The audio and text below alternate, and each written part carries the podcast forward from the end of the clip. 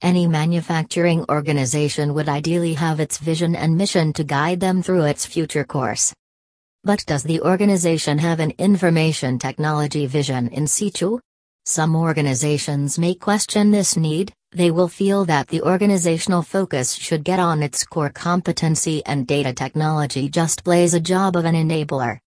But on the contrary, according to Sonia Randhawa, such organizations are in greater need of an information technology vision. The role of knowledge technology is that of a business driver in today's competitive environment and not just an enabler.